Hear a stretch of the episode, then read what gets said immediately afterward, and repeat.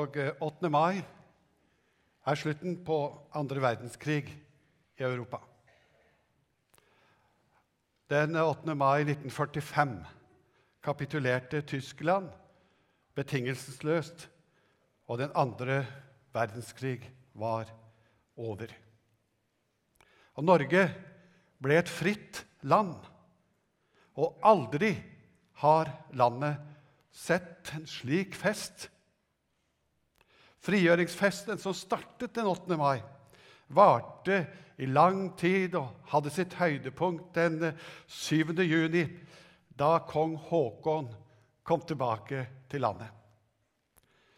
Det var en stor og grusom krig som hadde vart i fem lange år. Den var nå endelig over, og Europa kunne puste lettet ut. Og gjenoppbyggingen av landet kunne starte når festen var over. Ikke bare var krigen over, men Europa ble endelig frigjort fra nazismens grusomme og menneskefiendtlige ideologi. Frigjøringa avslørte på en måte systematisk råskap og ondskap som knapt noen kunne forestille seg. Det var i 45 8. mai er altså fredsdagen. Og det er kanskje noen her som er så gamle at de opplevde disse fredsdagene. Og de kan vitne om jubeldager, og mange har fortalt om igjen og om igjen hvordan det egentlig var. Og vi har stor grunn til å fortsette å feire denne dagen.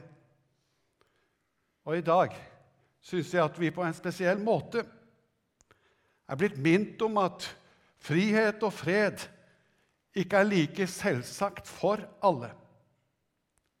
Vi har nettopp tatt opp i vår menighet en som har opplevd, og som opplever, å være flyktning. Hun er kurder.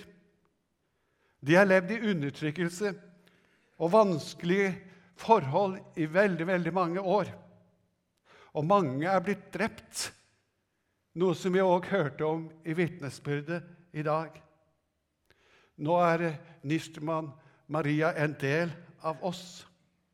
Hun hører til hos oss, og vi vil ta oss av henne.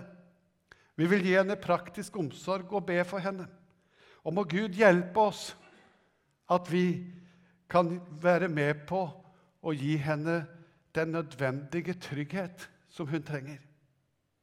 Samtidig så minner denne situasjonen og de andre også som vi har kontakt med, som er flyktninger Det skal minne oss kristne om noe. At vi har ikke vårt hjemland her. Vårt hjemland er et annet sted. Dypest sett så er vårt hjemland i himmelen. Og vi er fremmede. Vi er utlendinger, vi også. Og så skal vi ta til oss og være sammen med de som ikke har opplevd, og opplever den velsignelse og fred som vi har opplevd i Norge og i Europa. Og Jeg er fristet til å tenke litt på hva, hvordan vi egentlig ivaretar dette på forskjellige måter, men da blir jeg for mye politisk, så det får vi ta i en annen sammenheng. Nå skal vi reise oss, og så skal vi ta og høre den teksten som er satt opp på denne søndagen. Og Vi leser fra Johans evangelium, fra kapittel 16, fra vers 5 til og med vers 15. Nå går jeg til Ham som har sendt meg, men ingen av dere spør, hvor går du? For sorg har fylt deres hjerte fordi jeg har sagt dere dette. Men jeg sier dere sannheten. Det er det beste for dere at jeg går bort. For dersom jeg ikke går bort, kommer ikke talsmannen til dere. Men går jeg bort, kan jeg sende ham til dere, og når han kommer, skal han gå i rette med verden og vise den hva synd er, hva rettferdighet er, og hva dom er. Synden er at de ikke tror på meg Rettferdigheten er at jeg går til Far, og dere ser meg ikke lenger. Dommen er den at denne verdens fyrste er dømt. Ennå har jeg mye å si dere, men dere kan ikke bære det nå. Men når sannhetens ånd kommer, skal han veilede dere til hele sannheten. For han skal ikke tale ut fra seg selv, men si det han hører, og gjøre kjent for, det, for dere det som skal komme. Han skal herliggjøre meg, for han skal ta det som er mitt, og forkynne det for dere. Alt det som min far har, er mitt. Derfor sa jeg at han skal ta av det som er mitt, og forkynne det for dere. Amen. Dette skriftavsnittet som vi nå har lest sammen, det er en del av den talen som Jesus holdt like før han skulle dø. Og det kalles altså en del av, Dette er en del av Jesu avskjedstale. Det er en tale som han sier når han skal, skal reise. Denne talen den er veldig fin og lærerikt. Og Den begynner i slutten av kapittel 13 og avsluttes med at Jesus ber for sine. Og Det kalles den ypperste prestelige bønn. Vi hører om talsmannen. Det er den tredje personen i guddommen som vi kaller for Den hellige ånd. Og Den hellige ånd har en oppgave, en funksjon, overfor verden. Dvs. Si for de som ikke, ikke tror. De som ennå ikke er kommet til tro. Guds ånd har en funksjon og en oppgave overfor de som ikke tror. Han skal overbevise, står det. Overbevise. Og det er noe mer enn å på en måte få bevise. Overbevise går mye dypere enn å bevise. Jeg tenker som så at sånn som det står i denne teksten som vi leste fra den oversettelsen her, så står det 'gå i rette med'. Det betyr at han på en måte vil irettesette en del av det verden tenker. Jeg er overbevist om at vi trenger trosforsvar på så mange måter. Men jeg tror at kanskje vi har overdrevet betydningen av det i vår tid. Jeg tror at det er én ting som kan føre mennesker til et Guds liv, eller føre til at de blir kristne. Det er ikke først og fremst å bevise at kristendommen er sann, men det er når Guds ånd får arbeide med et menneske, så skjer det noe i hjertet, noe i deres indre. De får en overbevisning om at Hør, Jesus, han er den som han sier seg å være.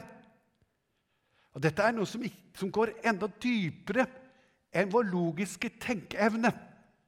Det er akkurat som Jesus vil gå inn dypest inn i vår personlighet og overbevise oss og tale oss til rette og vise oss hvem han er. Det syns jeg er fantastisk. Så da er det troen som skapes av Den hellige ånd i våre hjerter. Han vil altså ha et personlig forhold til deg. Og det står her at han vil overbevise om synd. Synd Synd, hvorfor er det så viktig? Hvorfor vil Den hellige ånd, Gud, overbevise oss om synd? Jo, det er fordi at det er bare synderen som trenger nåde. Det er bare de syke som trenger lege. Og hva er synd, sier denne teksten. Det forteller denne teksten oss noe om. Synd Selve grunnsynden er at de ikke tror på Jesus. Vi kan nok plukke enkelte synder, prøve å ta oss sammen, ikke sant? og så prøve å kvitte oss med det. Og så kvitter vi oss med, litt med det. Og så blir det omtrent som å plukke løvetann. Dere har prøvd det? Ta Plukker du det liksom og napper det, og så kommer det bare opp igjen og opp igjen. og opp igjen. Selve grunnsynden, det er vantro. Det er vantro, det vi ikke ville tro på Gud. Det, det var det som gjorde at Eva spiste av frukten i haven, i Edens hage. Og det var det som var en måte målet med Satans sin fristelse. Han sa, 'Har Gud virkelig sagt?' Og dette, å ha denne vantroen i sitt hjerte, er den dypeste årsak til at mennesker ikke følger Han. Så det vil han overbevise om. Den hellige ånd vil forklare deg og meg hva synd er. Og så var det den andre tingen som Den hellige ånd vil forklare verden. Rettferdighet, står det. Rettferdighet. Og så står det at 'jeg går til far'. Hva betyr nå det? Jo, det betyr at når Jesus døde for våre synder på korset, og Faderen reiste han opp igjen, da beviste, eller visste Jesus all verden, viste det for all verden, at døden ikke kunne holde på ham. Det er jo synden som er årsak til at døden kom inn. Den som synder, skal dø. Men Jesus sonet alle våre synder. Og så reiste Fader han, han opp. Og det forteller oss da at det offeret som Jesus gjorde på korset, det er nok. Det holder for Gud. Det, var, det, Jesus gjorde der, det er tilstrekkelig for oss alle. Og han er reist opp til vår rettferdiggjørelse. Og den tredje tingen som sto i denne teksten om hva Den hellige ånds oppgave skulle være, det var dom. Overbevist om dom. Det også er et evangelium. Nemlig det at Jesus han har seiret over Satan. Djevelen har bare en begrenset makt. Jesus seiret over ham. Han er knust. Han har fullført dommen over Satan. Han er for all evighet dømt til nederlag. Denne verdens fyrste, han er dømt. I Kolossenserbrevet står det slik.: Gjeldsbrevet mot oss slettet han ut. Det som var skrevet med lovbud, han tok det bort da han naglet det til korset. Han kledde maktene og åndskreftene nakne og stilte dem fram til spott og spe, da han viste seg som seiersherre over dem på korset. Hørte du det? Han kledde maktene og myndighetene og åndskreftene nakne og stilte dem til spott og spe da han viste seg som seiersherre over dem på korset. Jesus seiret over verdens fyrste, over djevelen, over Satan, der på korset. Han er seierherren, og Satan er dømt. Og Derfor så forsaker vi, gjorde i dåpen i dag, djevelen og alle hans gjerninger og alt hans vesen. Så er det da denne tredoble oppgave på en måte Den hellige ånd har overfor verden. Og når Guds ord forkynnes rundt omkring, så er det slik at Ånden går sin seiersgang over jorden. Men så er det òg slik at Den hellige ånd har en oppgave også til oss som, eh, som har kommet til tro. vi òg skal vokse. Det står at han skal veilede oss til hele sannheten. Og Det peker jo også mot pinsen som kommer om noen dager. Og Den hellige ånd var altså kommet for å overbevise om synd, om dom, om rettferdighet. Men han skulle òg veilede og hjelpe oss videre. De forsto det ikke nå, står det i teksten. Men når Ånden kommer, skal Ånden veilede dem til hele sannheten. Vi trenger hele tiden, som kristne, at Guds ånd veileder oss. Og vi brukte å synge mye før når vi samlet til prekener til Guds ord. Ånd fra himmelen, kom med nåde, kom med liv og lys her ned. Vi ba om at Guds ånd måtte komme og så åpenbare Bibelens ord og forklare det for oss, slik at vi på den måten kunne få enda mer erkjennelse og forståelse av Gud. Og på samme måte som et nyfødt barn må ha næring for å vokse, så trenger en nyfødt kristen Guds ord for å utvikle seg og vokse som kristen. Det skal skje en utvikling hos oss. Dere er ikke på melkestadiet hele tiden. Det er ikke som barn hele tiden. Det forventes at vi kristne vokser i erkjennelse og innsikt. Men jeg syns denne teksten vi har lest i dag, den forteller oss litt om hvordan og i hvilken retning denne voksteren skal gå. Han skal herliggjøre meg, sier det. Men da trenger vi òg Den hellige ånd til å kaste lys over hvem Jesus er. Jeg tror, som Lina Sandell synger i en sang, at den salmen var inspirert av Guds ånd. For det er litt av den bønn og den, den voksteren som vi trenger som kristne. Og der synger hun 'Å Jesus, åpne du mitt øye'. Be om at vi må få se på nytt igjen, så jeg kan se hvor rik jeg er. Jeg har en Fader i det høye, som Fader omme for meg bær. Jeg har en bror som ved min side vet om min sak og ber for meg. Det er Guds ånd som må vise oss også det. Jeg har en nådestrøm så vide, som himmelens hvelving strekker seg. Jeg har en talsmann tro i nøden.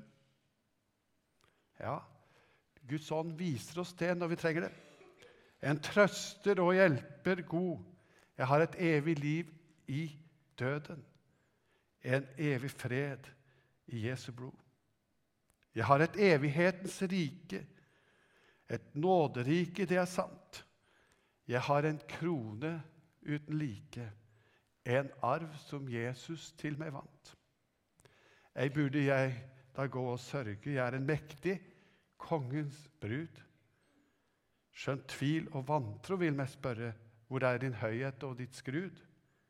O Jesus Krist, forøk meg troen, så jeg kan se min herlighet og aldri, aldri glemme kronen du har beredt fra evighet.